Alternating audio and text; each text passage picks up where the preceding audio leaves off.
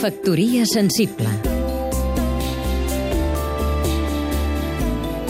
Jordi Llavina, escriptor Sento per la ràdio la notícia que tanca el conegut bar Marsella de Barcelona. La persona que ens ho fa saber i afegeix que era un lloc que havien freqüentat, entre altres personalitats de la cultura, Pablo Picasso, Ernest Hemingway i Salvador Dalí.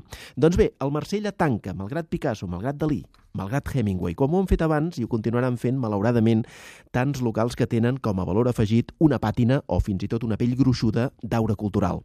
La cultura, ves, de vegades, amics, ni com a valor afegit. Durant molts anys aquí, alguns fotetes van ridiculitzar la nostra, alguns aspectes, segons ells, poc universals de la nostra cultura, dient-ne la cultureta. L'expressió va fer forat. Un home que no va formar part mai de cap cultureta, sinó d'una cultura en majúscules, va ser Salvador Espriu, de qui aquest any celebrem el centenari de naixement. Si llegiu el llibre d'Agustí Pons, Espriu transparent, ho veureu de seguida, això.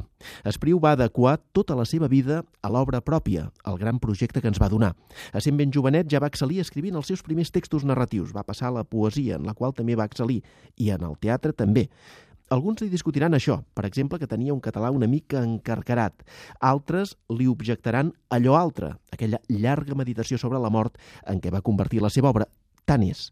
Salvador Espriu és un dels mestres literaris del segle XX, per ambició i resultats. Volia ser un autor universal, català i universal, i ho va aconseguir.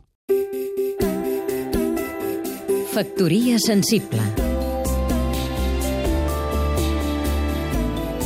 Jordi Llavina, escriptor